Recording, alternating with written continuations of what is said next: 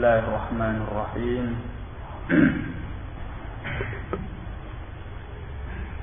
السلام عليكم ورحمة الله وبركاته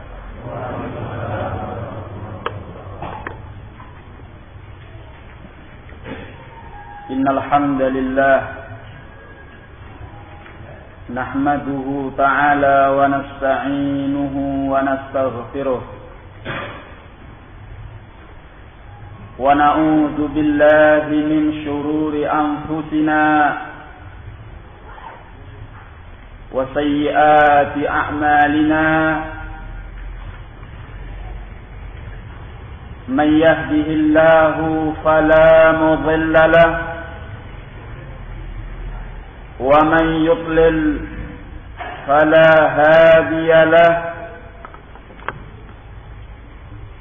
أشهد أن لا إله إلا الله وحده لا شريك له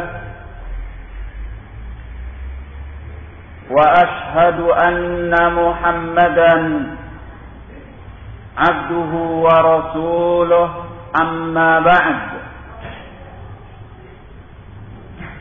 فيقول ربنا تبارك وتعالى يا أيها الناس اتقوا ربكم الذي خلقكم من نفس واحدة وخلق منها زوجها وبث منهما رجالا كثيرا ونساء واتقوا الله الذي تساءلون به والأرحام إن الله كان عليكم رقيبا. يا أيها الذين آمنوا اتقوا الله وقولوا قولا سديدا. يصلح لكم أعمالكم ويغفر لكم ذنوبكم. ومن يطع الله ورسوله فقد فاز فوزا عظيما. يقول نبينا صلوات الله وسلامه عليه فإن أصدق الحديث كتاب الله وخير الهدي هدي محمد صلى الله عليه وعلى آله وسلم. وشر الأمور محدثاتها فإن كل محدثة بدعة وكل بدعة ضلالة وكل ضلالة في النار. أعاذني الله وإياكم من النار. Ikhwan Fiddin Ma'asyiral Muslimin Yang dimuliakan oleh Allah.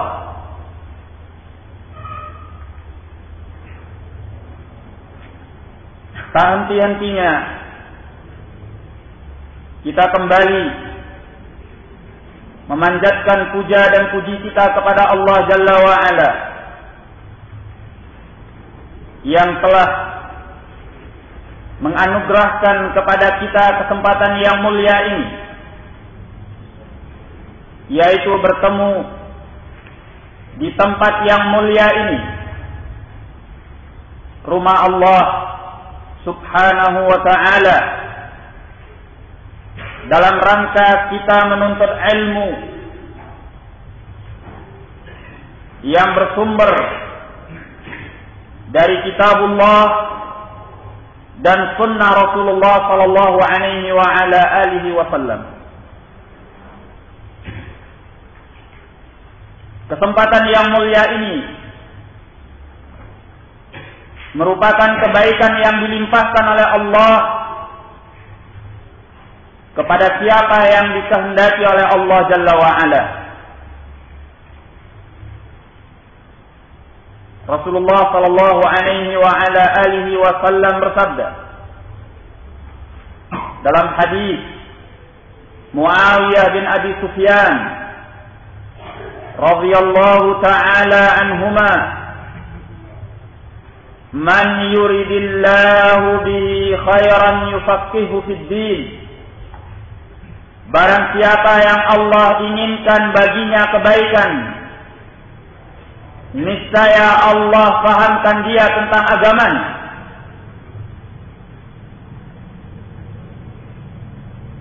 Ini menunjukkan kepada kita bahwasanya mempelajari agama Allah Jalla wa ala adalah kebaikan yang diinginkan oleh Allah. Dan barang siapa yang dibukakan oleh Allah untuk memahami agamanya, berarti dia telah ditunjukkan oleh Allah kepada jalan surga. Dalam hadis Abi Hurairah yang dikeluarkan oleh Al-Imam Muslim rahimahullah bahwasanya Rasulullah sallallahu alaihi wasallam bersabda Man salaka tariqan yaltamisu fihi ilman sahhalallahu lahu tariqan ilal jannah Barang siapa yang Allah mudahkan untuk menuntut ilmu. Barang siapa yang menjalani sebuah jalan untuk menuntut ilmu, Allah mudahkan baginya jalan menuju surga. Maka sudah selayaknya bila kita bersyukur kepada Allah Jalla wa ala ketika Allah Subhanahu wa taala membukakan hati kita untuk mempelajari agamanya ini. Jangan kita kira bahwa keinginan untuk mempelajari agama Allah Jalla wa'ala adalah anugerah yang kecil. Ini pemberian Allah yang tak terhingga. Tidak sembarang orang mendapatkannya hanya bagi orang-orang yang Allah inginkan untuk kebaikan. Maka Allah Subhanahu wa taala membukakan jalannya sehingga dia mau menuntut ilmu tentang agama Allah Subhanahu wa taala.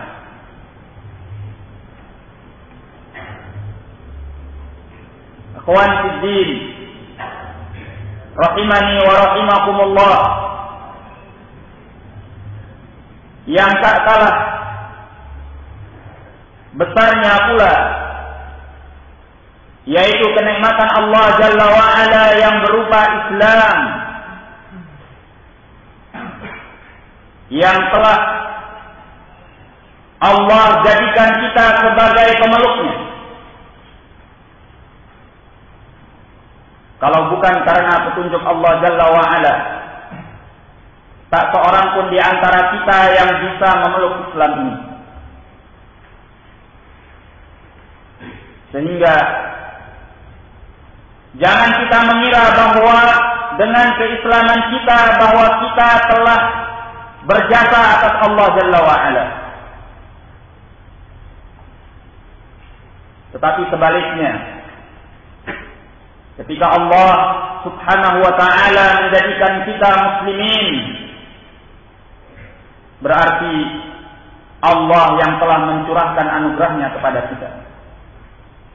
Yamunnuna 'alaika an aslamu Qul la tamunnu 'alayya islamakum Balillahu yamunnu 'alaikum an hadakum lil iman in kuntum sadiqin Allah menyatakan di dalam Al-Quran, Yamunnuna alaika an aslamu. Mereka menyangka bahwa mereka telah memberi anugerah kepadamu ketika mereka masuk ke dalam Islam. Kemudian kata Allah kepada Rasulnya, Qul, katakan kepada mereka itu, La tamunnu alayya islamakum. Jangan kalian menyangka bahwa kalian telah memberi anugerah kepadaku dengan keislaman kalian. Balillahu yamunnu alaikum. Tetapi Allah yang telah menganugerahkan kepada kalian an hadakum lil iman ketika Allah menunjuki kalian kepada keimanan. In kuntum sadiqin jika kalian adalah orang-orang yang benar. Allah menyatakan dalam ayat yang lainnya, "Wa ma bikum min ni'matin fa min Allah." Tidak ada satu kenikmatan yang menimpa kalian melainkan datangnya dari Allah. Maka ini adalah anugerah dari Allah Jalla wa'ala. Yang seharusnya kita mensyukuri nikmat Allah ini. Dengan menambah amal kebaikan kita, menambah ibadah kita, menambah ketekunan kita di dalam beragama, sehingga kenikmatan yang telah dilimpahkan oleh Allah ini tidak hilang, tidak luput dan tidak sirna daripada kita.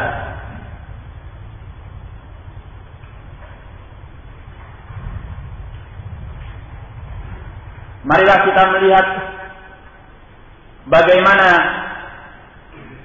Rasulullah Shallallahu Alaihi wa ala alihi Wasallam dengan semaksimal daya upayanya beliau berupaya untuk memasukkan pamannya ke dalam Islam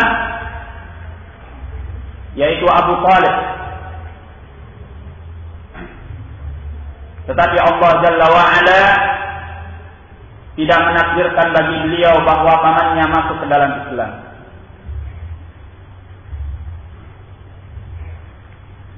Padahal paman beliau sebagaimana yang kita tahu dari tarikh memiliki jasa yang luar biasa terhadap beliau salawatullahi wasallamu alaihi. Mulai dari beliau kecil. Ketika beliau butuh kepada kasih sayang dari seorang orang tua. Ketika beliau membutuhkan kepada perlindungan. Maka Abu Talib tampil untuk memelihara beliau sepeninggal bapaknya Abdul Muttalib. Kakek Rasulullah Shallallahu Alaihi Wasallam dipelihara, dilindungi, dibesarkan, bahkan diajari untuk mencari kehidupan dengan diajak berdagang ke negeri Syam, bahkan sampai beliau nikahkan dengan Khadijah. Dan demikianlah terus perjuangan jasa yang diberikan oleh Abu Talib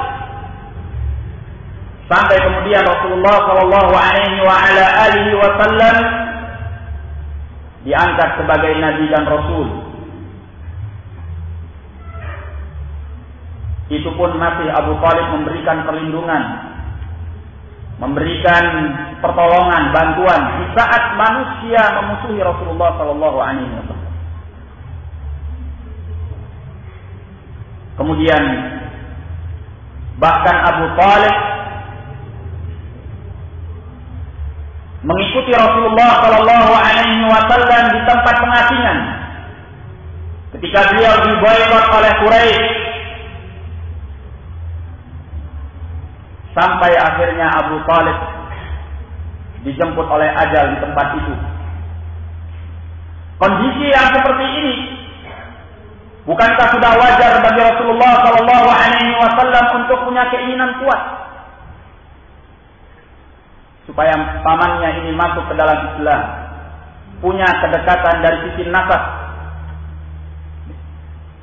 kedekatan dari sisi rahim, paman beliau dari arah bapaknya.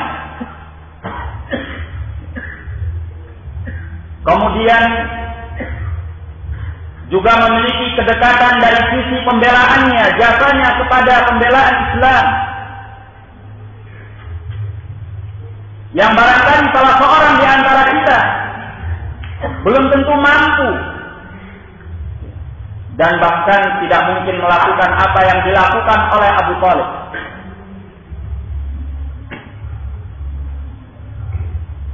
Makanya Rasulullah Shallallahu Alaihi Wasallam sangat ingin kalau Abu Talib ini masuk ke dalam Islam.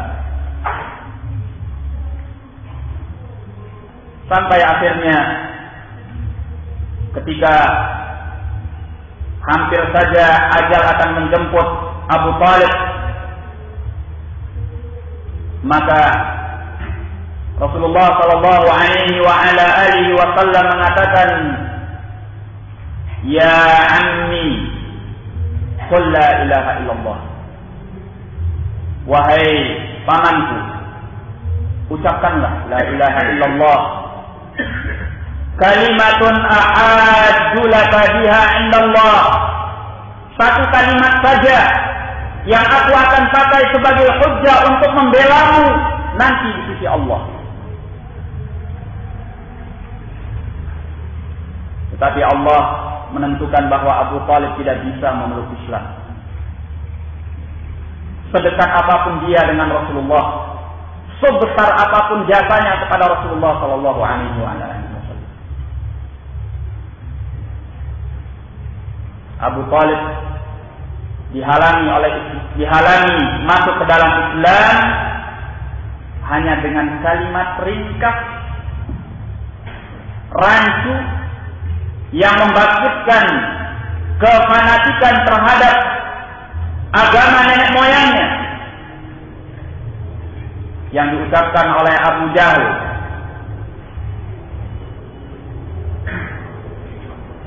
Abu Jahal mengatakan kepadanya atarghabu an millati Abdul Muttalib Apakah engkau sudah benci terhadap agama Abdul Muttalib? Hanya ini yang dikatakan oleh Abu Jahal. Ketika Rasulullah Shallallahu Alaihi Wasallam mengulangi ajakannya untuk masuk ke dalam Islam, mengucapkan la ilaha illallah, Abu Jahal mengulangi pula kalimat ini. Atarghabu an millati Abdul Muttalib? Sudahkah engkau benci terhadap agama Abdul Muttalib?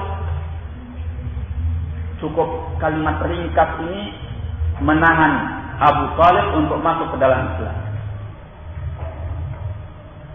Terbangkitkan semangat kefanatikan terhadap agama nenek moyang Kalimat ringkas ini mengandung racun yang demikian hebat. Sehingga petunjuk Allah Jalla wa'ala tidak masuk ke dalam kalbu Abu Talib. Nah kalau kita mengingat peristiwa ini, siapa kita dibandingkan dengan Abu Talib? Apa hubungan kita dengan Rasulullah Shallallahu Alaihi Wasallam sehingga kita lebih layak masuk ke dalam Islam dibandingkan dengan Abu Talib? Apa yang sudah kita berikan kepada Islam ini sehingga kita lebih layak untuk masuk ke dalam Islam dibanding Abu Talib? Tidak ada apa-apanya kita ini. tidak punya kedekatan hubungan dengan Rasulullah Shallallahu Alaihi dari sisi nasab. Tidak pula kita punya jasa pembelaan kepada Islam sebagaimana yang dilakukan oleh Abu Talib. Cuma satu jawabannya. Kenapa kita bisa masuk ke dalam Islam sementara Abu Talib tidak masuk ke dalam Islam? Jawabannya yaitu al-hidayah min Allah petunjuk daripada Allah Jalla wa'ala. Jawabannya adalah apa yang dinyatakan oleh Rasulullah Sallallahu Alaihi Wasallam dalam khutbatul hajah yang sering kita baca. Man yahdihillahu fala mudilla wa man yudlil fala hadiyalah. Barang siapa yang ditunjuki oleh Allah maka tidak akan ada yang menyesatkannya.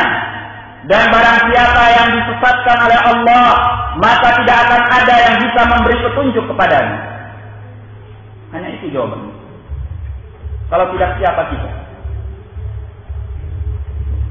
Ini adalah hidayah dari Allah. Marilah kita jaga hidayah Islam ini dengan sungguh-sungguh untuk mengamalkan agama Allah Jalla wa'ala.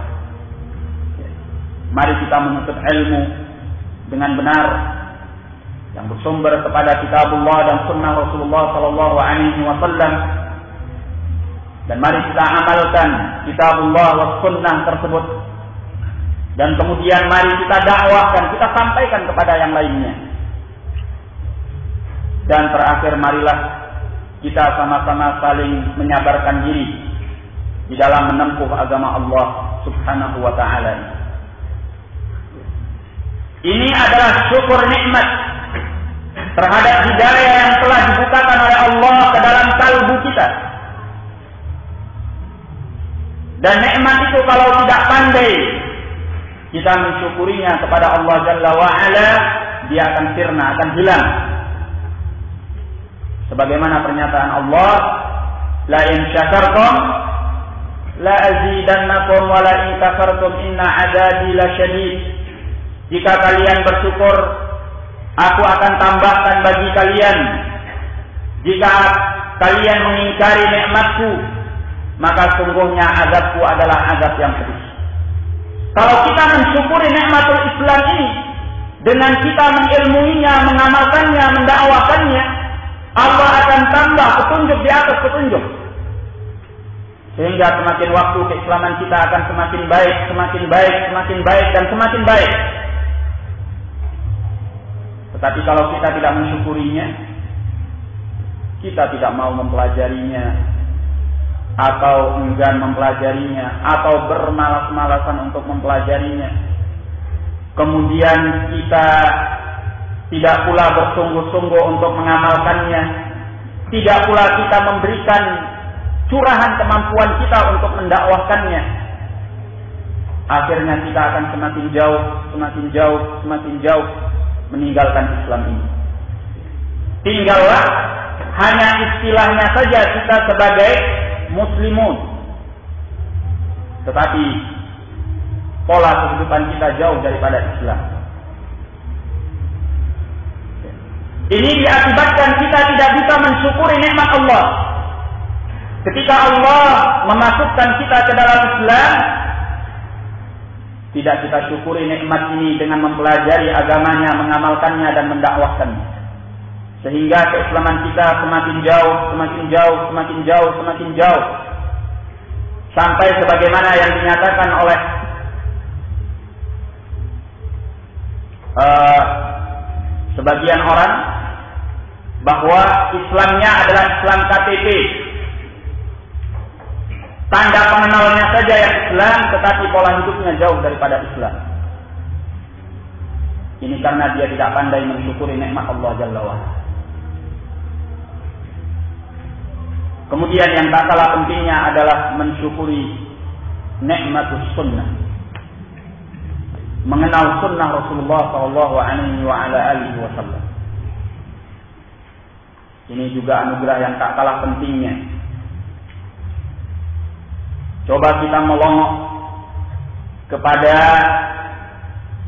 keadaan al-alam al-islami yang dipenuhi dengan berbagai al-inhirafat, penyelewengan-penyelewengan agama, dipenuhi oleh al-bidah, perkara-perkara baru dalam agama, dipenuhi dengan berbagai Abwalalat kesesatan-kesesatan yang mengatasnamakan Islam. Bayangkan kalau seandainya kita tidak dipertemukan dengan sunnah Rasulullah Shallallahu Alaihi Wasallam, pastilah kita akan masuk ke dalam salah satu daripada kesesatan ini. Maka dengan sunnah Rasulullah Shallallahu Alaihi Wasallam kita mengerti bagaimana kita harus mengamalkan Islam ini. Bagaimana kita harus melakukan Islam ini yang telah diajarkan oleh Rasulullah Shallallahu Alaihi Wasallam. tidak dengan hawa nafsu kita, tidak dengan perasaan kita, tidak dengan akal dan logika kita, tidak pula dengan adat istiadat kita. Tetapi Islam yang sesuai dengan sunnah Rasulullah Sallallahu Alaihi Wasallam. Taraktu fikum syai'aini lan tadhillu ba'dahuma. Aku telah meninggalkan bagi kalian dua perkara yang kalian tidak akan sesat setelah keduanya. Kitab Allah wa sunnati. Kitab Allah dan sunnah. Oleh karena itu, ketika kita mengenal sunnah Rasulullah Shallallahu Alaihi Wasallam ini, kita lepas dari berbagai hawa nafsu, hawa nafsu, kepentingan-kepentingan, tendensi-tendensi yang disuarakan oleh pihak-pihak yang sebenarnya mereka tidak sedang memperjuangkan Islam. Tapi justru mereka sedang menyuarakan kepentingan-kepentingan pribadi atau kepentingan-kepentingan golongan atau kepentingan-kepentingan kelompok, organisasi, aliran dan sebagainya.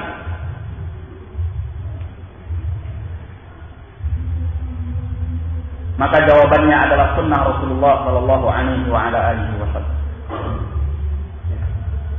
Kelompok-kelompok, aliran-aliran golongan-golongan sempalan yang menyimpang daripada sunnah Rasulullah Sallallahu Alaihi Wasallam telah menjauhkan kaum muslimin daripada kitabullah dan sunnah Rasulullah Sallallahu Alaihi Wasallam.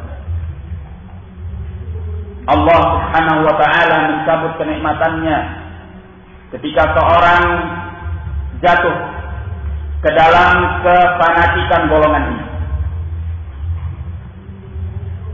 Islam tidak mengajarkan kepada kita untuk kita fanatik kepada golongan tertentu dan tidak pula kepada aliran tertentu dan tidak pula kepada kelompok tertentu, organisasi tertentu.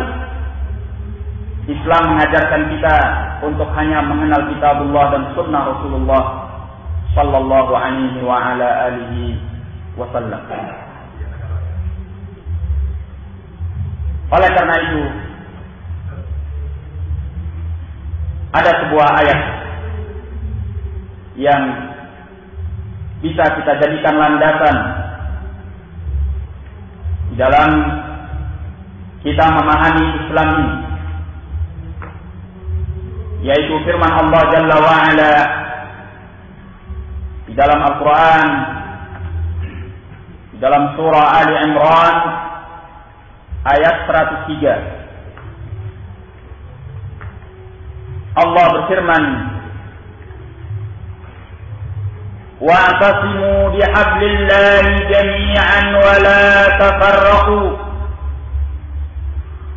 واذكروا نعمة الله عليكم إذ كنتم أعداء فألف بين قلوبكم فأصبحتم بنعمته إخوانا وكنتم على شفا حفرة من النار فأنقذكم منها كذلك يبين الله لكم آياته لعلكم تهتدون Berpegang teguhlah kalian dengan tali Allah secara keseluruhan. Dan janganlah kalian bercerai-berai. Dan ingatlah nikmat Allah atas kalian Ketika kalian dahulu saling bermusuhan, kemudian Allah jinakkan hati di antara kalian, sehingga menjadilah kalian dengan nikmatnya bersaudara, dan kalian berada di tepi jurang neraka jahanam. Kemudian Allah selamatkan kalian daripadanya. Demikianlah Allah menerangkan bagi kalian ayat-ayatnya. Mudah-mudahan kalian mendapatkan petunjuk. Ayat ini mengandung pelajaran-pelajaran penting yang bisa kita ambil sebagai pedoman hidup di dalam kita memahami Islam ini. Yang pertama yaitu firman Allah Jalla wa ala Wa'tasimu bihablillahi jami'an wa la tafarraqu Berpegang teguhlah kalian semuanya dengan tali Allah dan janganlah kalian bercerai-berai. Apa tali Allah itu? Tali Allah itu adalah kitabullah dan sunnah Rasulullah sallallahu alaihi wa ala alihi wasallam. Inilah yang dinamai dengan Islam. Sehingga kalau kita ingin mengenal Islam, mempelajari Islam, pelajari kitabullah dan pelajari pula sunnah Rasulullah sallallahu alaihi wasallam. Cukup. Cuma permasalahannya sekarang setiap kita mendengarkan seorang dai, seorang ustaz atau seorang muballigh ya, atau seorang muallim yang menyeru kepada kitabullah wa sunnah ternyata mereka berbeda-beda antara satu dengan yang lainnya di dalam menyampaikan dan memahami Islam ini. Sehingga umat yang mendengarkannya menjadi bingung. Mana yang benar? Dari apa-apa yang telah disampaikan oleh mereka yang menyerukan kepada Islam, kitabullah dan sunnah ini. Yang satu bilang begini, yang satu bilang begini. Maka dari sini ada pedoman lain yang harus kita ambil. Bahwa kita mempelajari kitabullah dan sunnah Rasulullah sallallahu alaihi wasallam ala fahman atas pemahamannya siapa?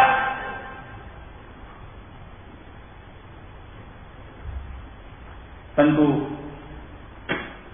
tidak ada jawaban yang paling murni dan bersih kecuali kita mengatakan bahwa kita harus memahami kitabullah dan sunnah ini dengan pemahaman generasi yang terbaik dari umat ini. Siapa mereka itu? Mereka itu adalah yang dinyatakan oleh Rasulullah Sallallahu Alaihi Wasallam di dalam hadis Abdullah bin Mas'ud yang dikeluarkan oleh Al Imam Muslim rahimahullah. Khairun nasi qarni, thumma alladhina yalunahum, thumma alladhina yalunahum. Sebaik-baik generasi adalah generasiku kemudian yang selanjutnya, kemudian yang selanjutnya. Berarti sebaik-baik generasi adalah as-sahabat. Kemudian as-tabi'in dan atba'ut tabi'in. Ya, kalau kita ingin mempelajari Islam dengan sebaik-baiknya, memahami kitabullah wa sunnah harus dengan pemahaman mereka. Mereka itu yang paling tahu tentang kitabullah wa sunnah.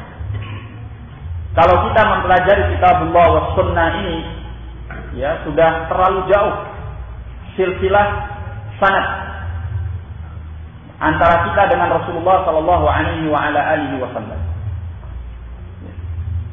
Bahkan mungkin kita tidak bisa menghitung antara kita dengan Rasulullah Shallallahu Alaihi Wasallam itu sudah berapa generasi. Iya. Karena jarak antara kita dengan Rasulullah Shallallahu Alaihi Wasallam sudah 1400 tahun lebih. Tetapi Alhamdulillah apa yang dipahami oleh as-sahabat radhiyallahu anhum yang diwariskan kepada at-tabi'in dan atba'ut tabi'in tidak hilang dan tidak luput daripada kita. Semua ilmu itu ternyata telah dibukukan oleh para ulama kita, ditinggalkan kepada kita, diwariskan kepada kita. Sehingga kalau kita melihat kepada perpustakaan-perpustakaan Islam, kita akan jumpa sekian ribu tulisan bahkan juta tulisan para ulama yang bisa kita gali, kita bongkar, kita pelajari untuk memahami kitabullah wa sunnah dengan riwayat-riwayat asar dari pemahaman as-sahabah, at-tabi'in dan atba'ut tabi'in. Sehingga kalau kita kembali kepada pemahaman-pemahaman mereka ini kita akan selamat. Karena mereka telah direkomendasi oleh Rasulullah Shallallahu Alaihi Wasallam. Tapi kalau kita kembali kepada pemahaman orang-orang belakangan yang tidak tahu juntrungannya, kita bisa sesat. Maka pahamilah Islam ini dengan pemahaman mereka. As-sahabatu, at-tabi'in dan atba'ut tabi'in. Maka akan tampak jelas bahwa Islam itu adalah agama yang dinyatakan oleh Allah sebagai rahmatan lil alamin. Nah, kita apabila bertikai, berselisih, berbeda pendapat di antara kita ada kitabullah. Kemudian yang kedua adalah as-sunnah. Kemudian yang ketiga, mari kita pahami dengan pemahaman generasi terbaik ini yang dinyatakan sebagai as-salaf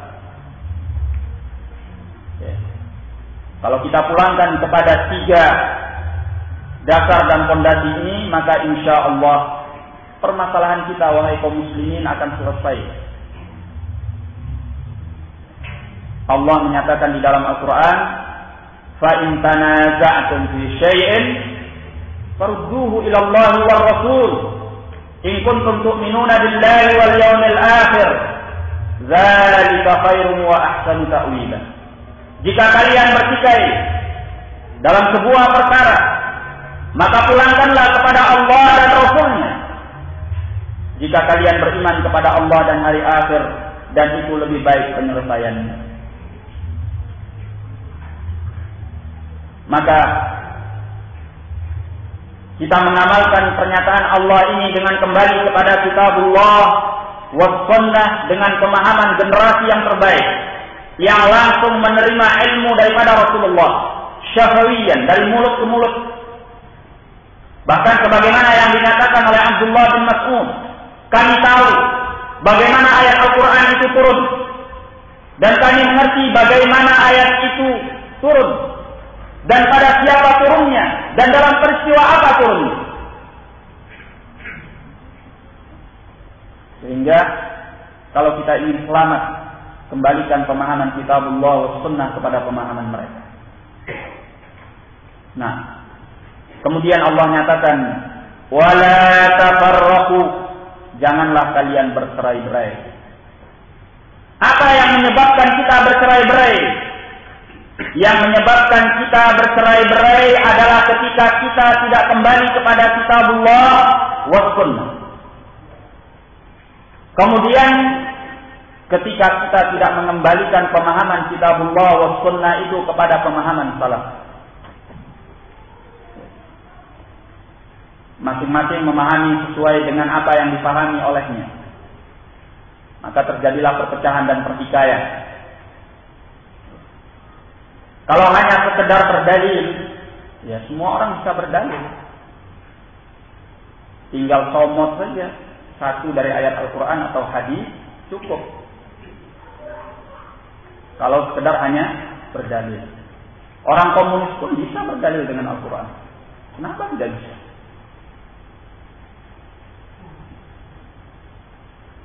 Sehingga bagi orang-orang komunis yang ingkar kepada Allah ketika mereka ingin melarang manusia dari melaksanakan as-salat mereka nyatakan fawailul lil musallin Celaka orang-orang yang sholat. Nah, iya. Celaka. Mau apa? Ini ayat Al-Quran. Kalau hanya sekedar main asal comot saja. Kalau yang penting dia punya dalil, ya ini juga dalil. Ayat Al-Quran. Tapi, apakah benar yang seperti ini? Padahal kalau dilanjutkan apa isinya? Fawailul lil musallin alladzina hum an salatihim sahun, yaitu orang-orang yang lalai daripada salatnya. Nah, Maka kembali kepada kitabullah wa sunnah dengan pemahaman salaf ini yang akan mempertemukan manusia di atas kebenaran.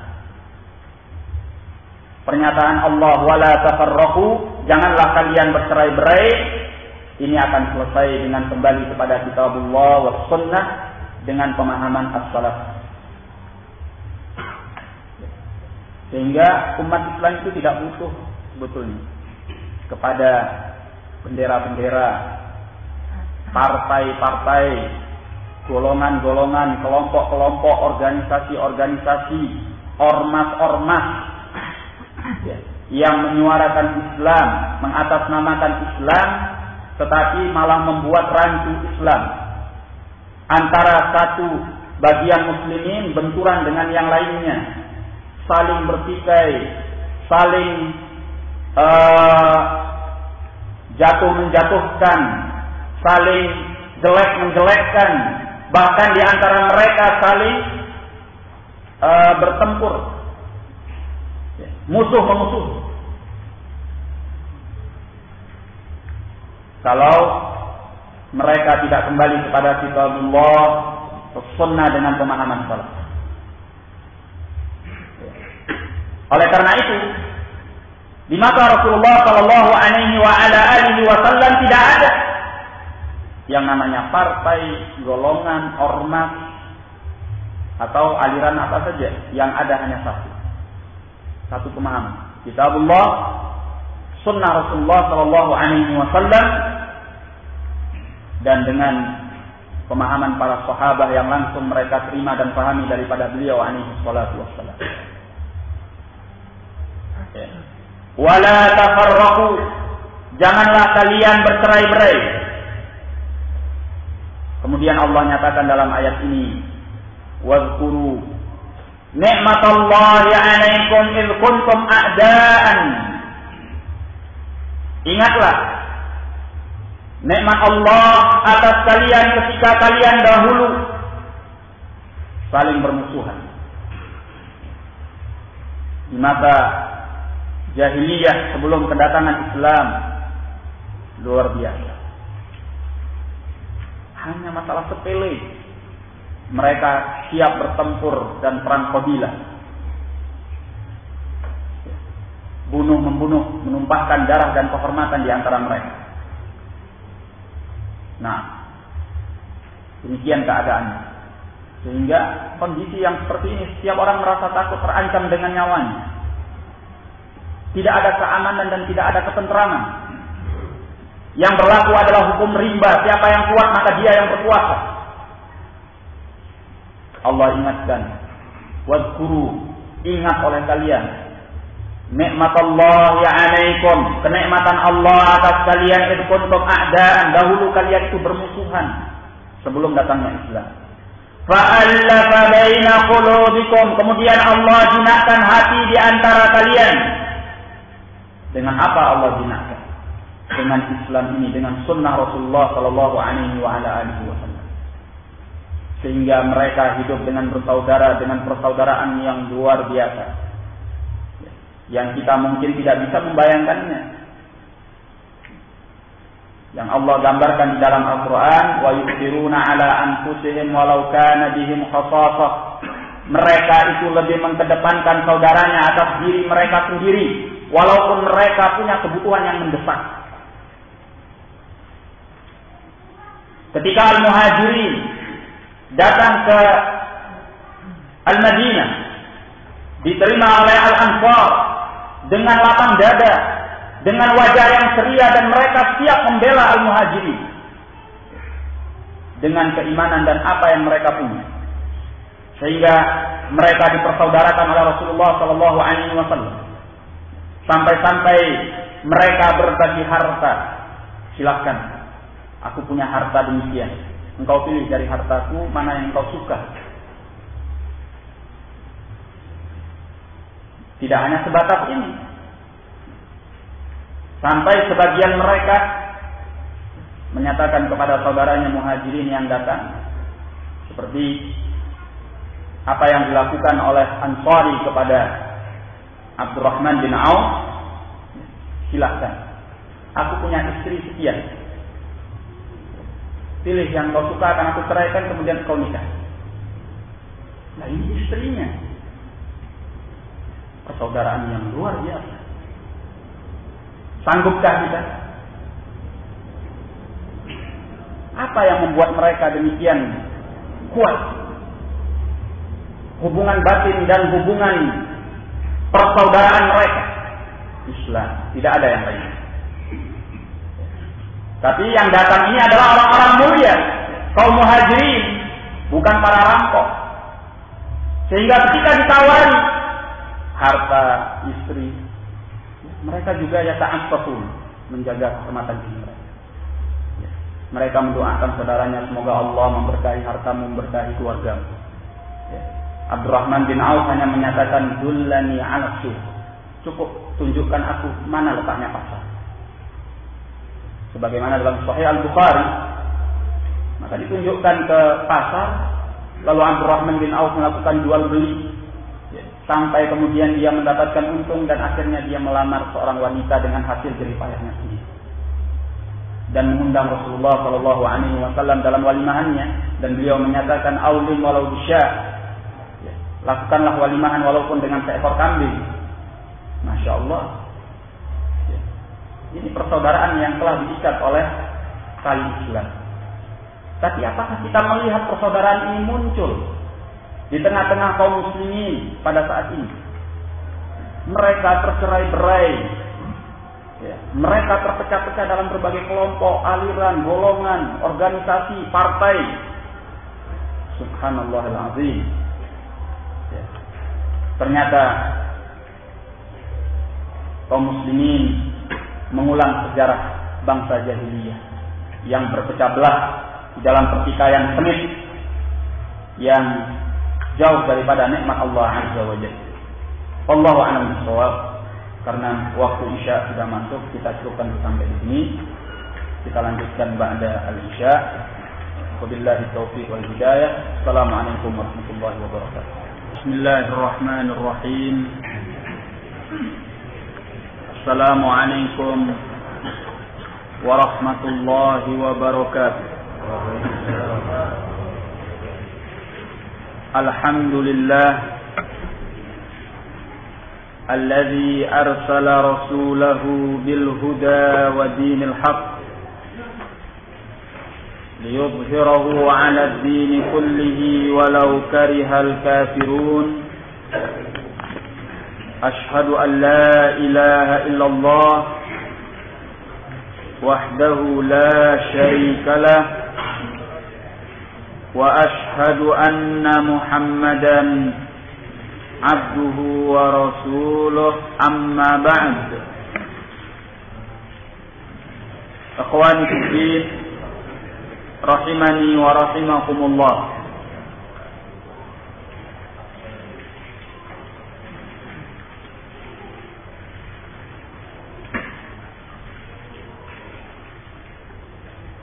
Ternyata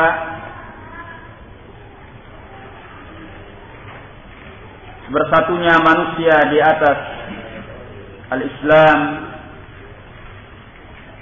merupakan anugerah dari Allah Jalla wa Ala yang demikian besar. Sehingga Allah ingatkan hal ini di dalam firman-Nya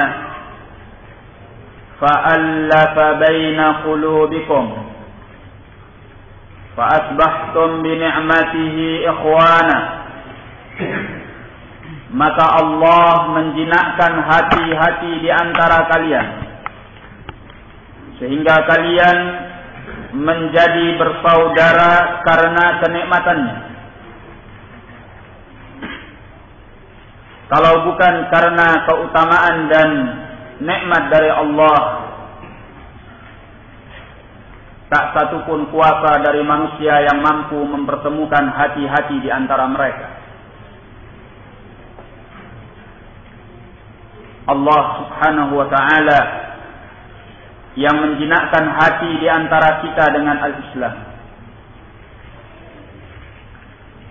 Kalau hanya dengan daya upaya dari seorang manusia. Atau siapa pun dari kalangan manusia. Niscaya mereka tidak akan mampu. Dari mana kita akan mengumpulkan ikhwan sedemikian banyak. Kalau bukan karena keutamaan Allah Azza wa Jalla bihaulina wala biquwwatina wala bikasrati ilmina wala bifasahatina walakin amrun aradahu Allah Azza wa Jalla semua ini bukan dengan daya upaya kita. Bukan pula dengan kekuatan kita. Bukan pula dengan banyaknya ilmu kita. Bukan pula karena kefasihan kita. Bukan pula karena apa pun yang kita miliki. Wa innama amrun aradahullah. Hanya saja ini semua adalah perkara yang sudah diinginkan oleh Allah.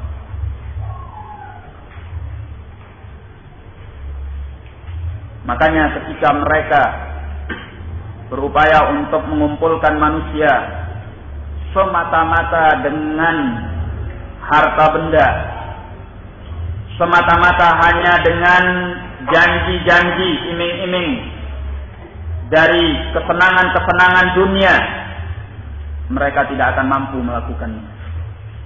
Allah sudah ingatkan ini. Allah nyatakan dalam ayat yang lain, terhadap nabinya sallallahu alaihi wa ala alihi wasallam "Lau anfaqta ma fil ardi jami'an ma allafta baina qulubihim" Kalau seandainya engkau mengeluarkan infak dengan semua yang ada di muka bumi ini, ma allafta baina qulubihim, engkau tidak akan bisa menjinakkan hati di antara mereka. Walakin Allah allafa bainahum. Akan tetapi Allah yang telah menjinakkan hati-hati di antara mereka.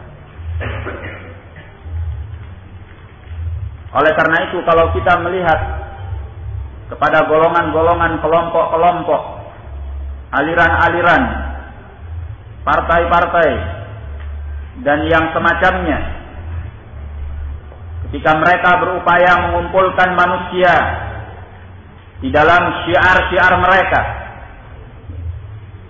mereka tidak akan mampu berbuat seperti Allah Azza wa Jal yang mengumpulkan kaum muslimin di atas Islam dan di atas sunnah Rasulullah sallallahu alaihi wa ala alihi wasallam. Oleh karena itu keutamaan Allah ini hendaklah kita jaga. Persaudaraan di atas Islam dan di atas sunnah Rasulullah Sallallahu Alaihi Wasallam. Agama ini tidak mengajari kepada kita untuk fanatik kepada golongan-golongan tertentu. Dan tidak pula kepada partai-partai tertentu. Tidak pula kepada aliran-aliran tertentu. Tidak pula kepada pemahaman-pemahaman tertentu dan tidak pula kepada syiar-syiar tertentu. Agama ini hanya mengajarkan kepada kita untuk tunduk kepada Allah dan Rasulnya Sallallahu alaihi wa ala alihi wasallam. Maka tidak benar kalau kita menegakkan al-wala wal bara loyalitas kita atau sikap berlepas diri kita berdasarkan golongan, partai, kelompok, aliran, atau apa saja. Allah subhanahu wa ta'ala telah menjadikan kita bersaudara di antara kaum muslimin di atas kitabullah dan sunnah Rasulullah sallallahu alaihi wa ala alihi wasallam. Cukup bagi kita itu. Ya. Kemudian kita pahami dengan pemahaman salafun salih untuk menjaga kita dari berbagai macam penyimpangan pemahaman agar kita selamat daripada hawa nafsu-hawa nafsu yang disisipkan dan disusupkan ke dalam Islam ini oleh pihak-pihak yang tidak bertanggung jawab dan tidak takut kepada Allah Jalla wa'ala. Nah, Ikhwani Fiddin rahimani wa rahimakumullah.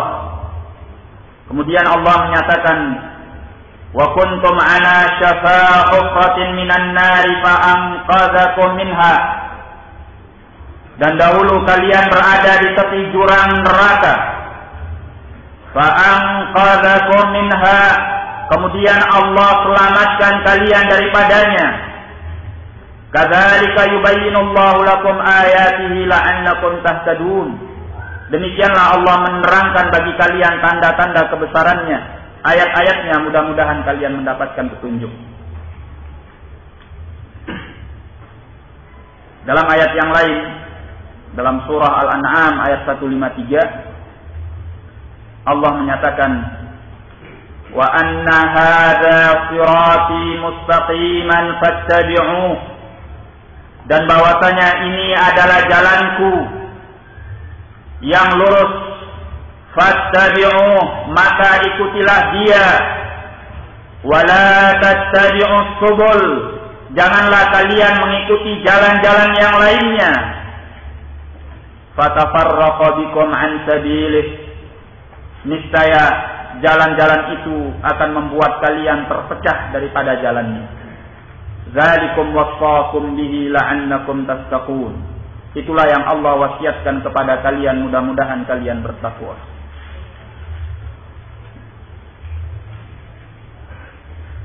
Di dalam memahami Islam ini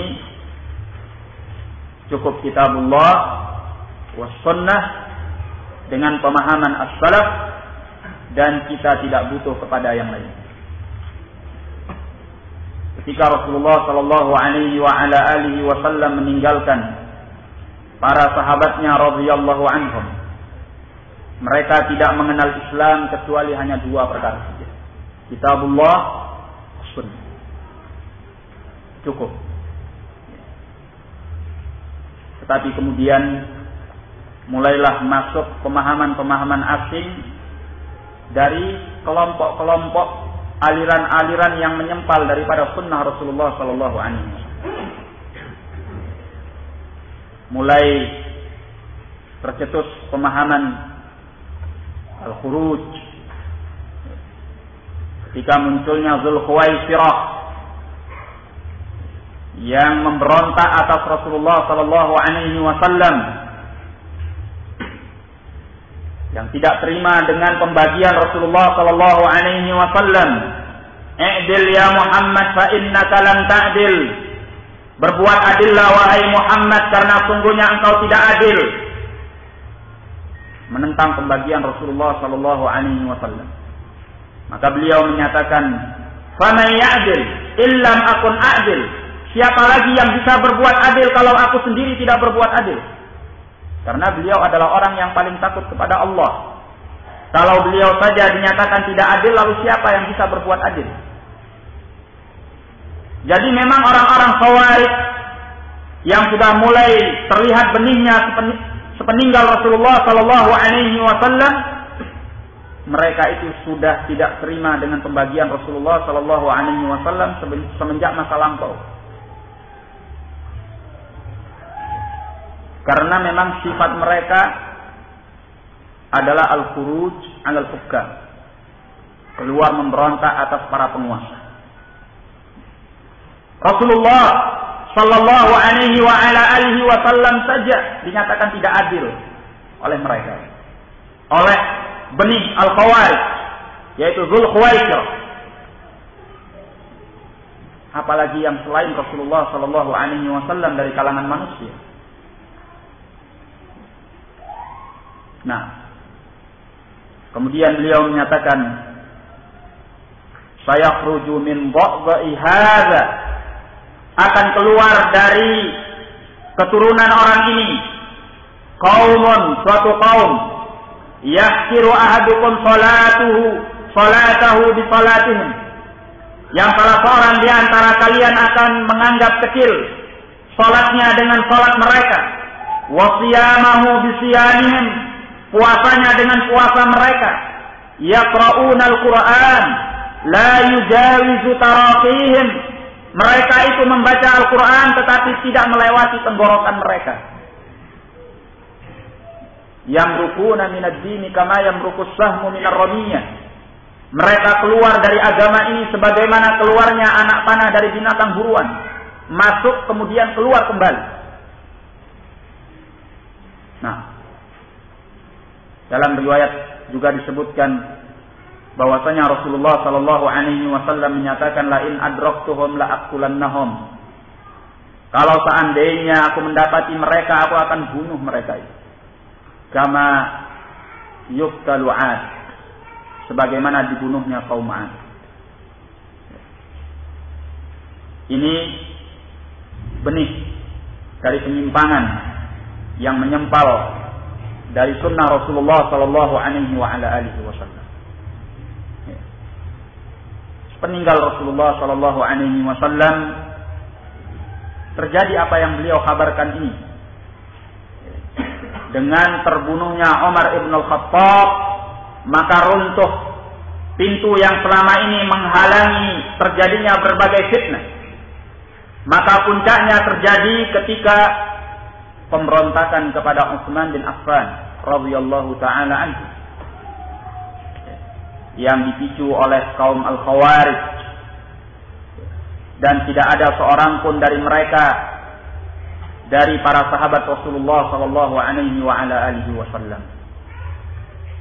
Mereka menyempal daripada as-sunnah. Wa subhanallah tidak ada seorang pun di antara mereka ini dari kalangan as-sahabat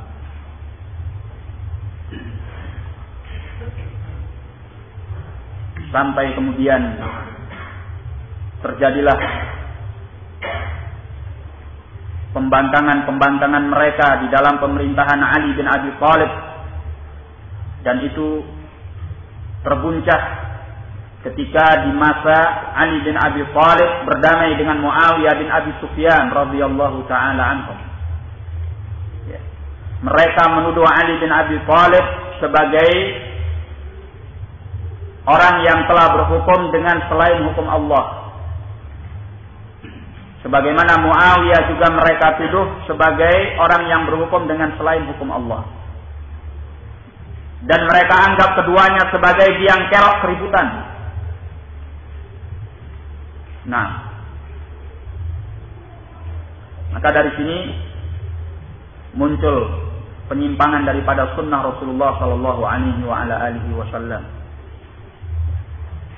Mereka menyatakan bagaimana Ali bin Abi Thalib mengangkat Abu Musa al-Ash'ari sedangkan Muawiyah mengangkat Amr bin al-As untuk berunding.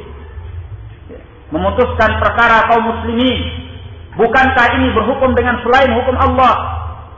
Padahal Allah menyatakan inil hukmu illa lillah tidak ada hukum kecuali hanya milik Allah saja. Allah juga menyatakan wa man lam yahkum bima anzalallah fa ulaika humul kafirun. Barang siapa yang tidak berhukum dengan selain barang siapa yang tidak berhukum dengan hukum Allah, maka mereka itu adalah orang-orang yang kafir.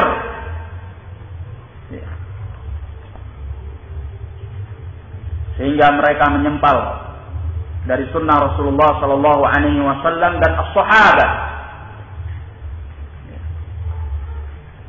Ketika mereka berkumpul di Harura wilayah yang mereka gunakan sebagai basis perjuangan mereka mereka didatangi oleh Abdullah bin Abbas ya. Abdullah bin Abbas menyatakan kepada mereka aku datang dari para sisi dari sisi para sahabat Rasulullah Sallallahu Alaihi Wasallam apakah ada di antara kalian yang pernah bersahabat dengan Rasulullah Sallallahu Alaihi Wasallam? Mereka menjawab tidak. Ini sebenarnya satu poin ya. yang menunjukkan kepada kita bahwa setiap orang yang menyempal dari pemahaman as-sahabah maka berarti dia menyempal daripada sunnah Rasulullah Sallallahu Alaihi Wasallam. Maka ini diingatkan oleh Ibnu Abbas kepada Al-Khawarij. Apakah ada di antara kalian min ashabi Rasulullah sallallahu alaihi wasallam? Adakah di antara kalian yang termasuk sahabat Rasulullah sallallahu alaihi wasallam? Mereka jawab, tidak, tidak.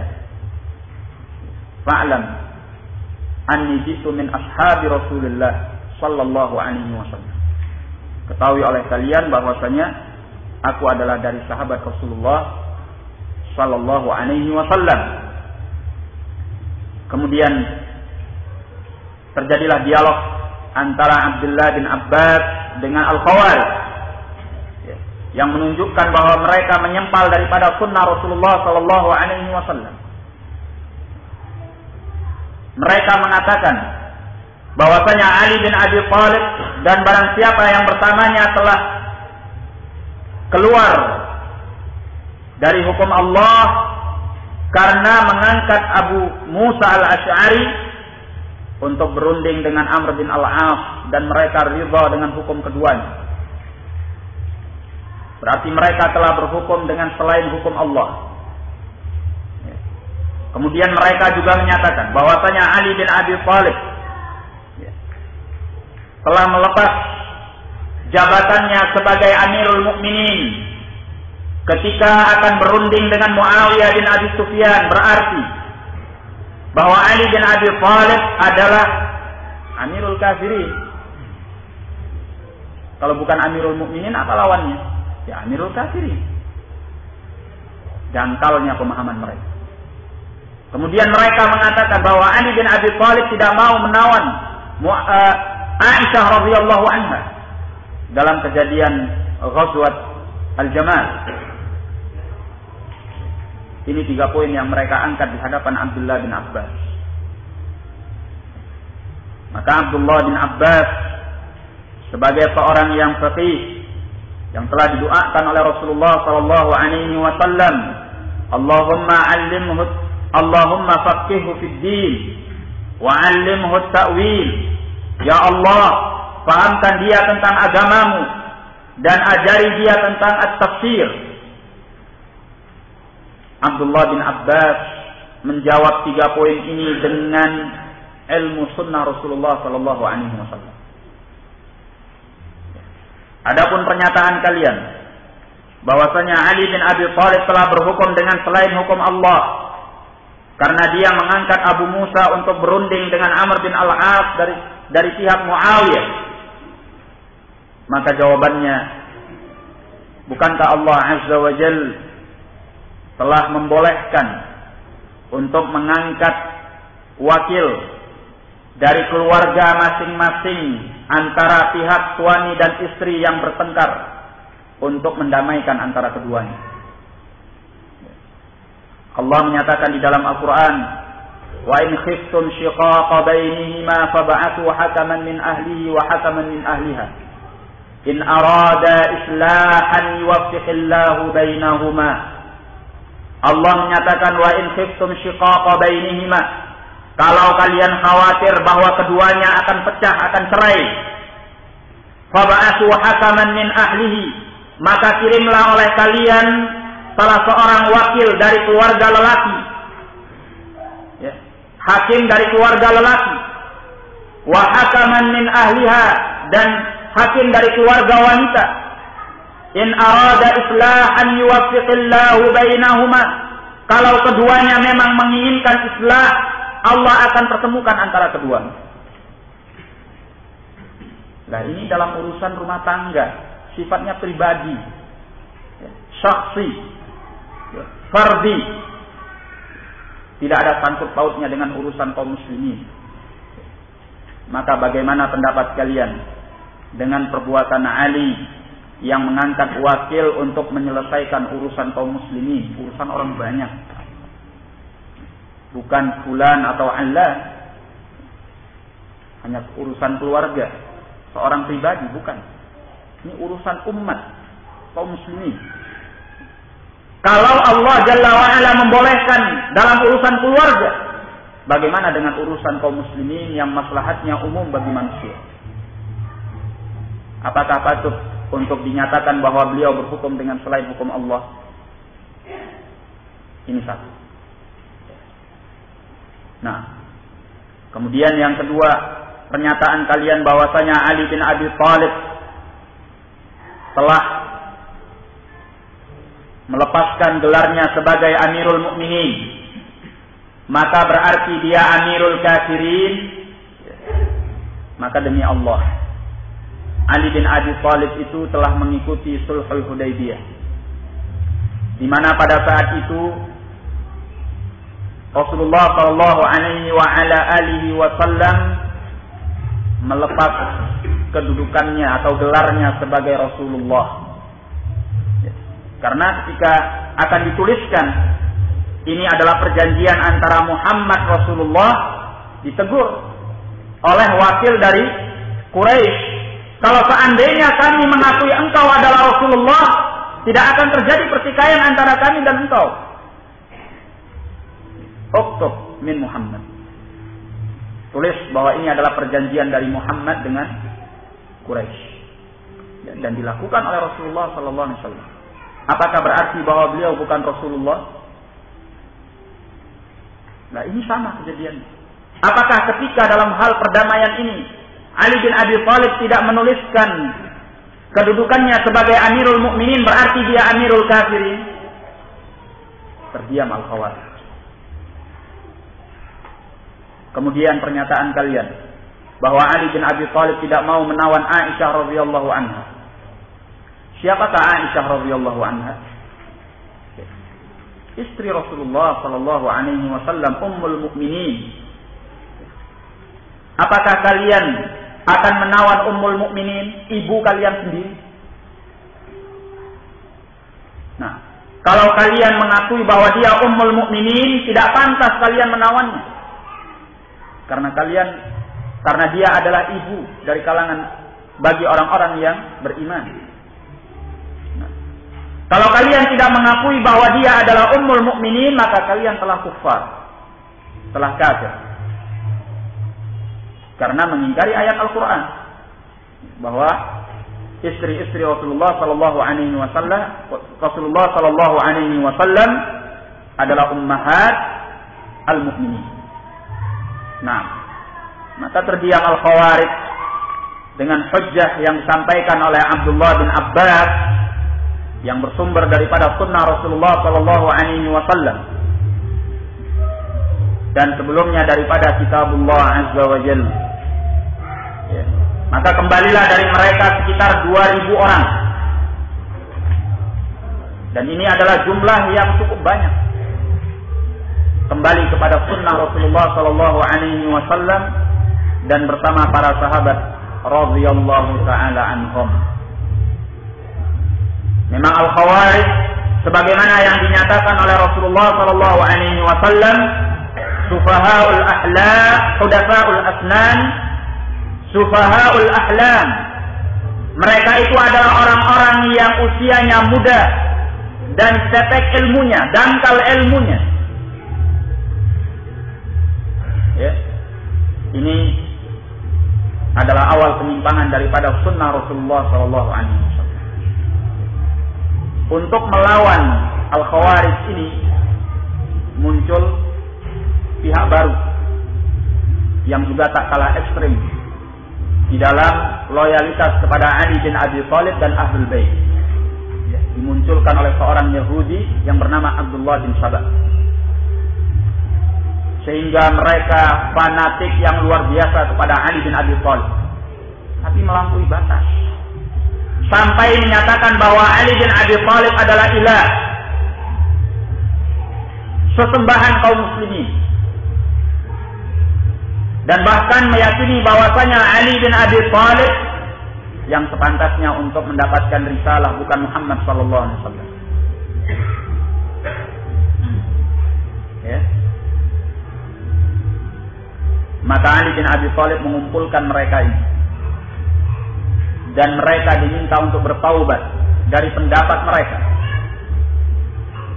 Dalam keadaan Ali bin Abi Thalib sudah mempersiapkan kayu bakar dan lubang yang besar. Tetapi mereka tidak mau kembali. Akhirnya mereka dimasukkan oleh Ali bin Abi Thalib ke dalam lubang ini dan dibakar dengan api. Tapi mereka subhanallah semakin yakin bahwa Ali bin Abi Thalib adalah ilah. Kenapa? Karena kata mereka tidak ada yang membakar menyiksa dengan api itu kecuali Rabbul Alamin. La yu'adzibu bin nar illa Rabbul Alamin. Tidak ada yang menyiksa dengan api kecuali Rabbul Alamin. Akhirnya mereka tetap dalam kekafiran. Inilah yang kemudian dikenal dengan aliran Syiah. Ya. Atau disebut pula dengan Ar-Rafidhah yang fanatik kepada Ahlul Bait tetapi melampaui batas. Ya, kemudian bersusulan satu bid'ah dibalas dengan bid'ah yang lainnya, satu penyimpangan dilawan dengan penyimpangan yang lainnya. Ketika muncul Al-Qadariyah, muncul pula Al-Jabriyah. Al-Qadariyah menentang takdir, tidak mengimani takdir. Al-Jabriyah sangat fanatik di dalam menetapkan takdir. Ketika muncul Al-Murji'ah, eh, ketika muncul Al-Khawarij, datang Al-Murji'ah, Al-Khawarij yang mengkafirkan kaum muslimin dengan dosa-dosa besar. Bahkan di antara mereka mengkafirkan kaum muslimin dengan dosa-dosa kecil. Jadi manusia ini dituntut oleh mereka seperti malaikat. Sulit. Siapa yang tidak punya dosa? Nah, datang Al-Murji'ah sebagai lawan dari Al-Khawarij. Al-Murji'ah mengatakan imannya manusia itu semua sama, tidak ada yang beda. Imannya seorang yang fasik, seorang yang zalim sama dengan imannya Abi Bakar, imannya Umar, imannya malaikat, sama, tidak ada bedanya. Jadi satu bid'ah dilawan dengan bid'ah. Terus muncul. Ketika datang Al-Jahmiyah yang menolak nama-nama dan sifat-sifat Allah, datang pula Al-Musyabbihah ya, yang menetapkan nama-nama dan sifat-sifat Allah sesuai dengan nama-nama dan sifat makhluk dan disamakan secara persis sehingga bahkan di antara mereka itu memperinci semua jasad yang dimiliki oleh makhluk mereka tetapkan kepada Allah Jalla wa'ala. Makanya dinyatakan oleh sebagian salaf, salasatun la yu'tamanun. Ada tiga kelompok yang mereka itu tidak bisa dipercaya. Tiga kelompok yang tidak bisa dipercaya. Di antara mereka adalah al-mubtadi' yaruddu 'alal mubtadi'. Seorang ahlul bid'ah yang membantah ahlul bid'ah yang lainnya. Ini tidak bisa dipercaya. Karena dengan apa dia akan membantah? Dia tidak akan membantah dengan sunnah Rasulullah Sallallahu Alaihi Wasallam. Dia akan membantah dengan kebidahan yang lainnya, sehingga muncullah bid'ah yang baru maka kita ahlu sunnati wal jamaah tidak merasa gembira. Misalnya ketika ada seorang ahlul bid'ah membantah ahlul bid'ah yang lain. Seorang yang berpemahaman khawarij membantah seorang yang berpemahaman al-murji'ah atau sebaliknya. Atau al-musyabbihah membantah al-jahmiyah atau sebaliknya karena mereka membantah bid'ah dengan bid'ah bukan dengan sunnah Rasulullah sallallahu alaihi wasallam kemudian yang kedua yaitu sufi. Sufiyun. Uh, yang kedua yaitu as-sufiyah. Orang-orang yang bermadhab sufi. Mereka tidak bisa dipercaya. Karena tersebar di kalangan mereka cerita-cerita khurafat kemudian cerita-cerita dusta hadis-hadis lemah hadis-hadis palsu. Tidak bisa dipercaya. Karena agama mereka dibangun di atas mimpi khayalat. Nah kemudian yang ketiga yaitu al-qassas al-qassas yaitu tukang cerita. Karena di masa lampau sebagian manusia berdiri di hadapan kaum muslimin di masjid-masjid menyampaikan kisah-kisah. Tetapi dengan riwayat-riwayat lemah, riwayat-riwayat palsu dalam rangka apa? Dalam rangka untuk mencari nafkah. Karena kalau selesai cerita kaum muslimin melemparkan infak sedekah. Nanti dia akan membentangkan imamahnya. Qala fulan haddatsana fulan haddatsana fulan tapi ceritanya cerita besar. Riwayat-riwayat palsu atau lemah. Pernah suatu ketika Al Imam Ahmad rahimahullah bersama Al Imam Yahya bin Ma'in duduk di suatu majelis di sebuah masjid. Ada seorang dari Qasas yang menyampaikan kepada kaum muslimin kisah-kisah dengan riwayat-riwayat lemah. Sampai dia menyatakan haddatsana Ahmad wa Yahya bin Ma'in. Terus dia menyampaikan riwayatnya. Manusia tercengang. Luar biasa. Ya. Al-Imam Ahmad bersama Yahya bin Ma'in juga tercengang. Tapi cengangnya beda. Ini Kok ada riwayat seperti ini? Karena keduanya tidak pernah menyampaikan. Riwayat yang disampaikan oleh orang ini. Ketika dia selesai, kemudian manusia sudah melemparkan sedekah mereka, ya, tinggal giliran Al-Imam Ahmad dan Yahya bin Ma'in. Orang ini datang. Kemudian ditanya oleh keduanya, dari siapa engkau dengarkan riwayat itu? Haddatsani Ahmad wa Yahya bin Ma'in. Telah menceritakan kepadaku Ahmad dan Yahya bin Ma'in. Maka berkata Imam Ahmad, saya Ahmad bin Hambal wa hadza wa hadza Yahya bin Ma'in. Bangkit dia. Memangnya sak dunia kalian saja yang namanya Ahmad bin Hambal dan Yahya bin Ma'in. Banyak yang lainnya. Saya diceritakan oleh Ahmad bin Hambal dan Yahya bin Ma'in yang lain bukan kalian. Kemudian ditinggal pergi oleh keduanya. Nah, ini diceritakan oleh Al-Imam Ibnu Katsir rahimahullah di dalam uh, kitab beliau tentang mustalahil hadis uh, Al-Ba'isul Hadis di mustalahil hadis. Baik. Atau di dalam ta'liq, di dalam ta'liq terhadap kitab ini. Nah.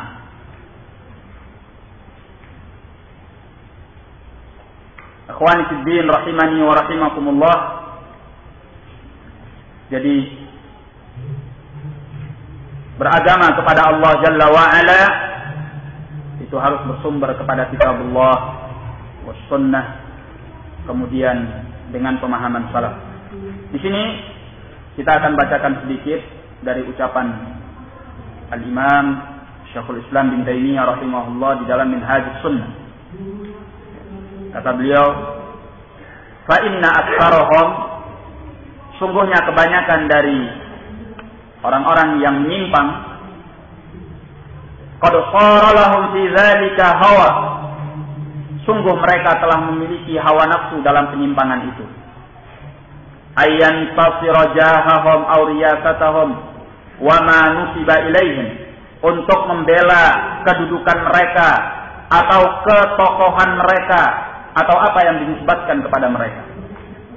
La yaqsuduna an takuna kalimatullahi hiyal ulya. Mereka tidak memaksudkan bahwa kalimat Allah yang paling tertinggi. Jadi kita jangan tertipu. Mau namanya apa saja, selama dia tidak sesuai dengan kitabullah, atau sunnah Rasulullah Sallallahu Alaihi Wasallam dengan pemahaman salafun salih maka jangan percaya bahwa dia akan membela sunnah Rasulullah Sallallahu Alaihi Wasallam. Karena sebagian ahlul bidah berupaya untuk menampakkan sunnah dalam rangka menipu manusia. Coba ingat dahulu peristiwa ketika Salman Rusdi mengeluarkan ayat-ayat setannya Siapa yang paling lantang untuk berteriak bahwa Salman Rusdi harus dihukum gantung, bunuh? Hah? Al-Khumaini. Siapa Al-Khumaini? Rafidhi Khabib. Ya. Rafidhi. Nah. Apakah dengan ini berarti dia akan membela sunnah Rasulullah SAW? Jangan kita tertipu. Ya. Demikian pula ketika sebagian kelompok aliran ya, mereka ke mana-mana pakai siwak ya pakai gamis kemudian pakai imam mahmud besar ya, pak nampan ya. Kalau ketemu dengan orang murah senyum sambil dipegang pundaknya masya Allah ya akhi masya Allah tahu kan maksud saya nah apakah yang seperti ini kemudian kita oh mas, masya Allah ini orang berarti membela sunnah Rasulullah SAW. Lah, sengaja mereka menampakkan penampilan sunnah dalam rangka menipu manusia. Oleh karena itu, menilai bukan hanya dengan bagian parsial daripada pemahaman mereka atau apa yang mereka tampakkan.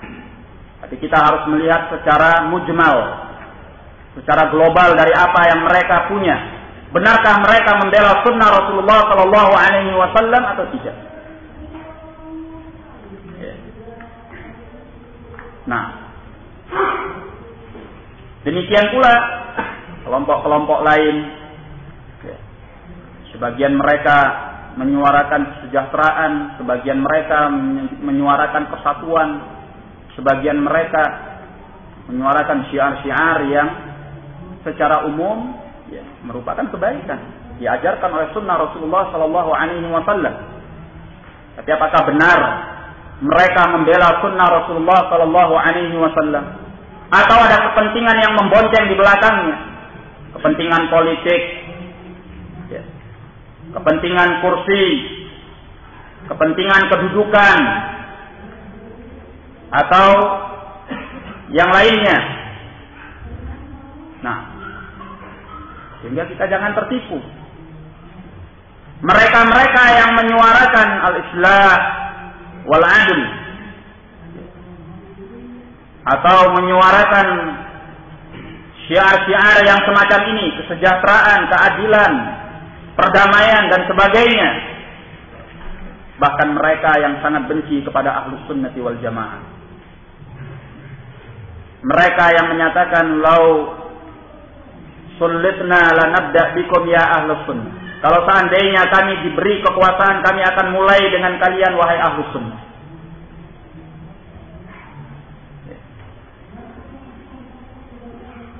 Jadi, sebagaimana yang dinyatakan oleh Syekhul Islam bin Taimiyah rahimahullah, mereka itu mesti punya hawa nafsu yang dengannya mereka akan menolong kedudukan mereka atau ketokohan mereka atau apa yang dinisbatkan kepada mereka.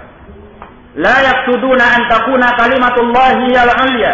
Tidaklah mereka memaksudkan bahwa kalimat Allah adalah yang paling tertinggi. Bagaimana mereka akan menjadikan kalimat Allah yang paling tertinggi? Sementara mereka atau pimpinan mereka menyatakan bahwa tidaklah kita memerangi Yahud dalam rangka untuk membela Islam tetapi karena semata-mata negeri Palestina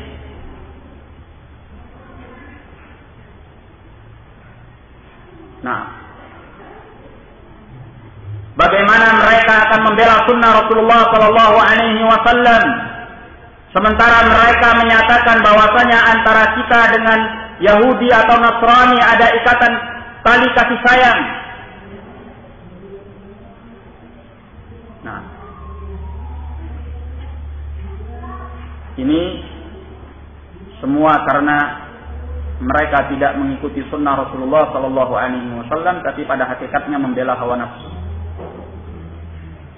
Wa ayyakuna dinu kulluhu lillah. Tidaklah maksud mereka bahwasanya agama itu seluruhnya milik Allah. Bal yaghdabuna ala man khalafahum wa in kana mujtahidan. La Allah. Bahkan mereka tidak bahkan mereka murka, bahkan mereka marah kepada siapa yang menyelisihi mereka walaupun dia seorang mujtahid yang Allah tidak murka kepadanya. Wa yardawna amman yuwafiquhum dan mereka ridha terhadap orang yang mencocoki mereka wa in kana jahilan sayyi al-qasd walaupun dia seorang bodoh yang punya niatan jelek. Makanya di kalangan mereka itu tidak berlaku kedudukan ilmu. Tapi yang paling penting adalah senioritas. Dan siapa yang paling bisa berpuasa dengan hartanya. Asal, biasa, asal bisa membiayai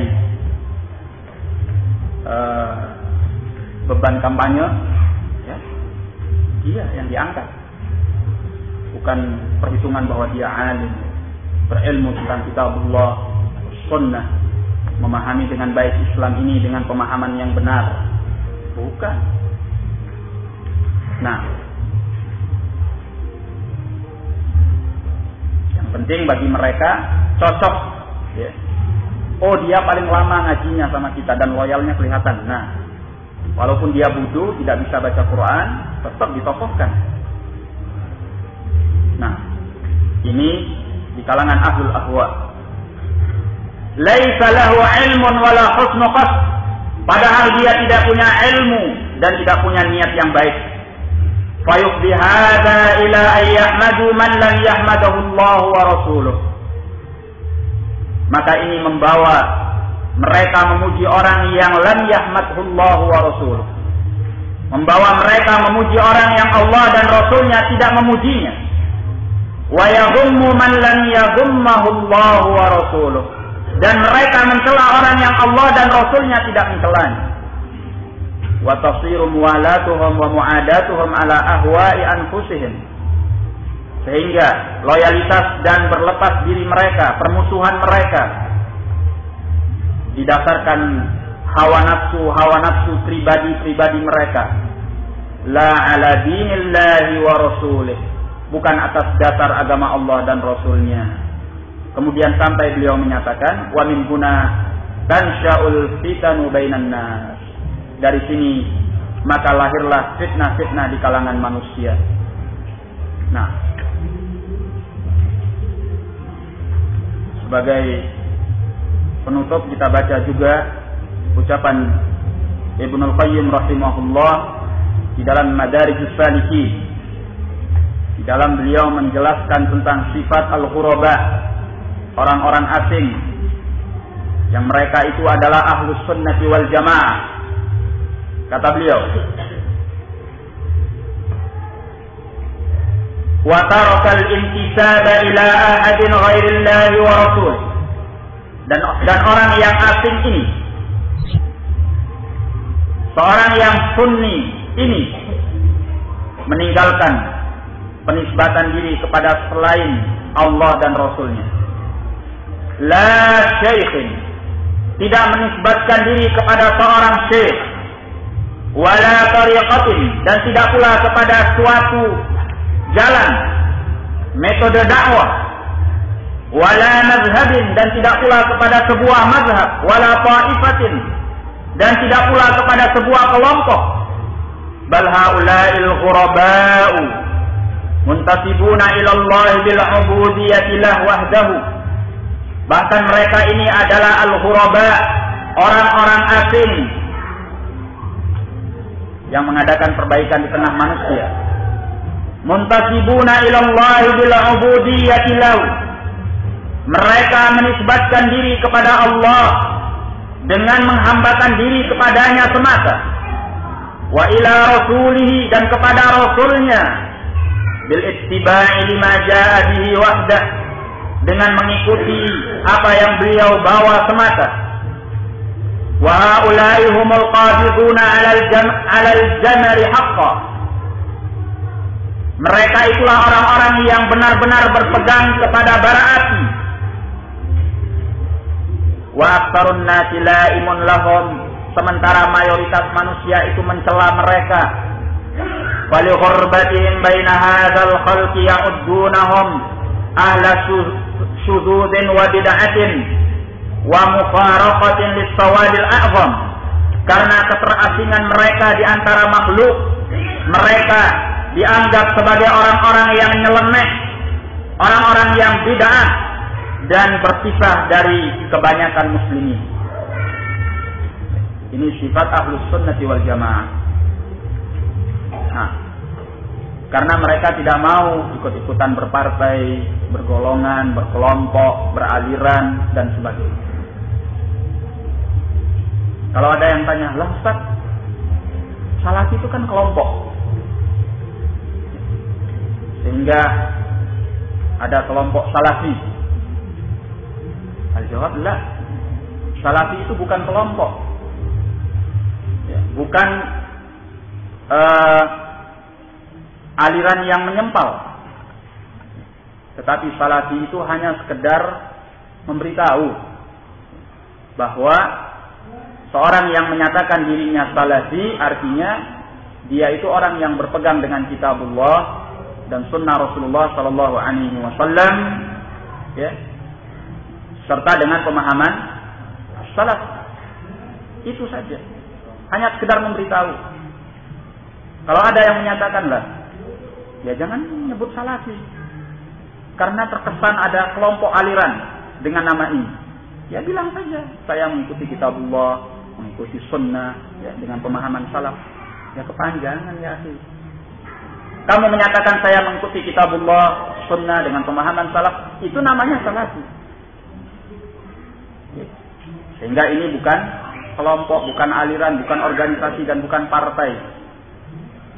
Kalau ada yang membuat kelompok partai aliran dengan nama salafi keliru. Ini jelas perbuatan bid'ah. Salafi itu adalah hanya sekedar penisbatan diri kepada pemahaman as-sahabah radhiyallahu taala. Sebagaimana dinyatakan oleh Syekh Bakar Abu Zaid rahimahullah kalau seandainya di alam Islam ini tidak ada kelompok-kelompok yang menyempal, menyimpang dan menentang sunnah Rasulullah Sallallahu Alaihi Wasallam, kita akan buang semua nama-nama dan gelar. Tidak perlu nyebut saya salafi atau ahlus sunnati wal jamaah. Tidak perlu. Cukup kita menyatakan apa? Kita adalah muslim, muslimun, mukminun, ibadallah. Sebagaimana Allah telah menamakan kita dengan itu kita menamakan diri dengan ahlus sunnati wal jamaah atau salafiyun hanya dalam rangka membedakan diri supaya tidak samar di tengah-tengah manusia. Ketika ahlul ahwa wa ahlul bidah masing-masing menisbatkan diri kepada kelompoknya, alirannya, tokohnya, pimpinannya. Ya. Maka dalam rangka supaya umat ini jelas al-haq itu adalah al-haq, al-batil itu adalah al-batil. Kita nyatakan bahwa kita salafiyun. Apa maksudnya? Kita mengikuti kitabullah, sunnah dengan pemahaman sahabat, at-tabi'in dan atba'ut tabi'in. Nah, demikian pula pernyataan ahlus sunnah wal jamaah. Artinya kita mengikuti sunnah dan berkumpul di atas as-sunnah tidak seperti ahlul ahwa wal furqah. Mereka berada di atas hawa nafsu dan perpecahan. Jadi ini bukan kelompok dan bukan pula aliran. Sekarang ini diupayakan oleh pihak-pihak tertentu yang tidak suka terhadap ahlus sunnati wal jamaah bahwa yang namanya ahlus sunnati wal jamaah atau salafiyin adalah kelompok dan aliran. Lihat tuh kelompok salafi. Loh bukan kelompok, maaf saja. Ini hanya penisbatan diri, hanya sekedar untuk membedakan. Kalau seandainya kalian membuang nama-nama kalian, ya, tidak ada nama ya, Qadari atau Murji'i atau Jahmi atau Khariji, tidak pula Ikhwani, Tablighi, Sururi atau yang lainnya. Kalau tidak ada pemahaman-pemahaman yang menyempal, yang menyimpang ini, dari sunnah Rasulullah Sallallahu Alaihi Wasallam, kami tidak akan menamakan diri dengan sunni atau salaf. kita semua akan menamakan diri dengan muslimun, mukminun, ibadallah. Ya. Jadi demikianlah kita beragama kepada Allah Azza wa Jal dengan sumber yang jelas dan dengan bersatu di atas kitabullah sunnah Rasulullah sallallahu alaihi wasallam dengan pemahaman as-salaf. Nah, kita cukupkan sampai di sini. Lebih dan kurangnya saya mohon maaf. Yang benar datangnya dari Allah, yang keliru datangnya dari saya dan wabillahi taufiq wal hidayah. Assalamualaikum warahmatullahi wabarakatuh.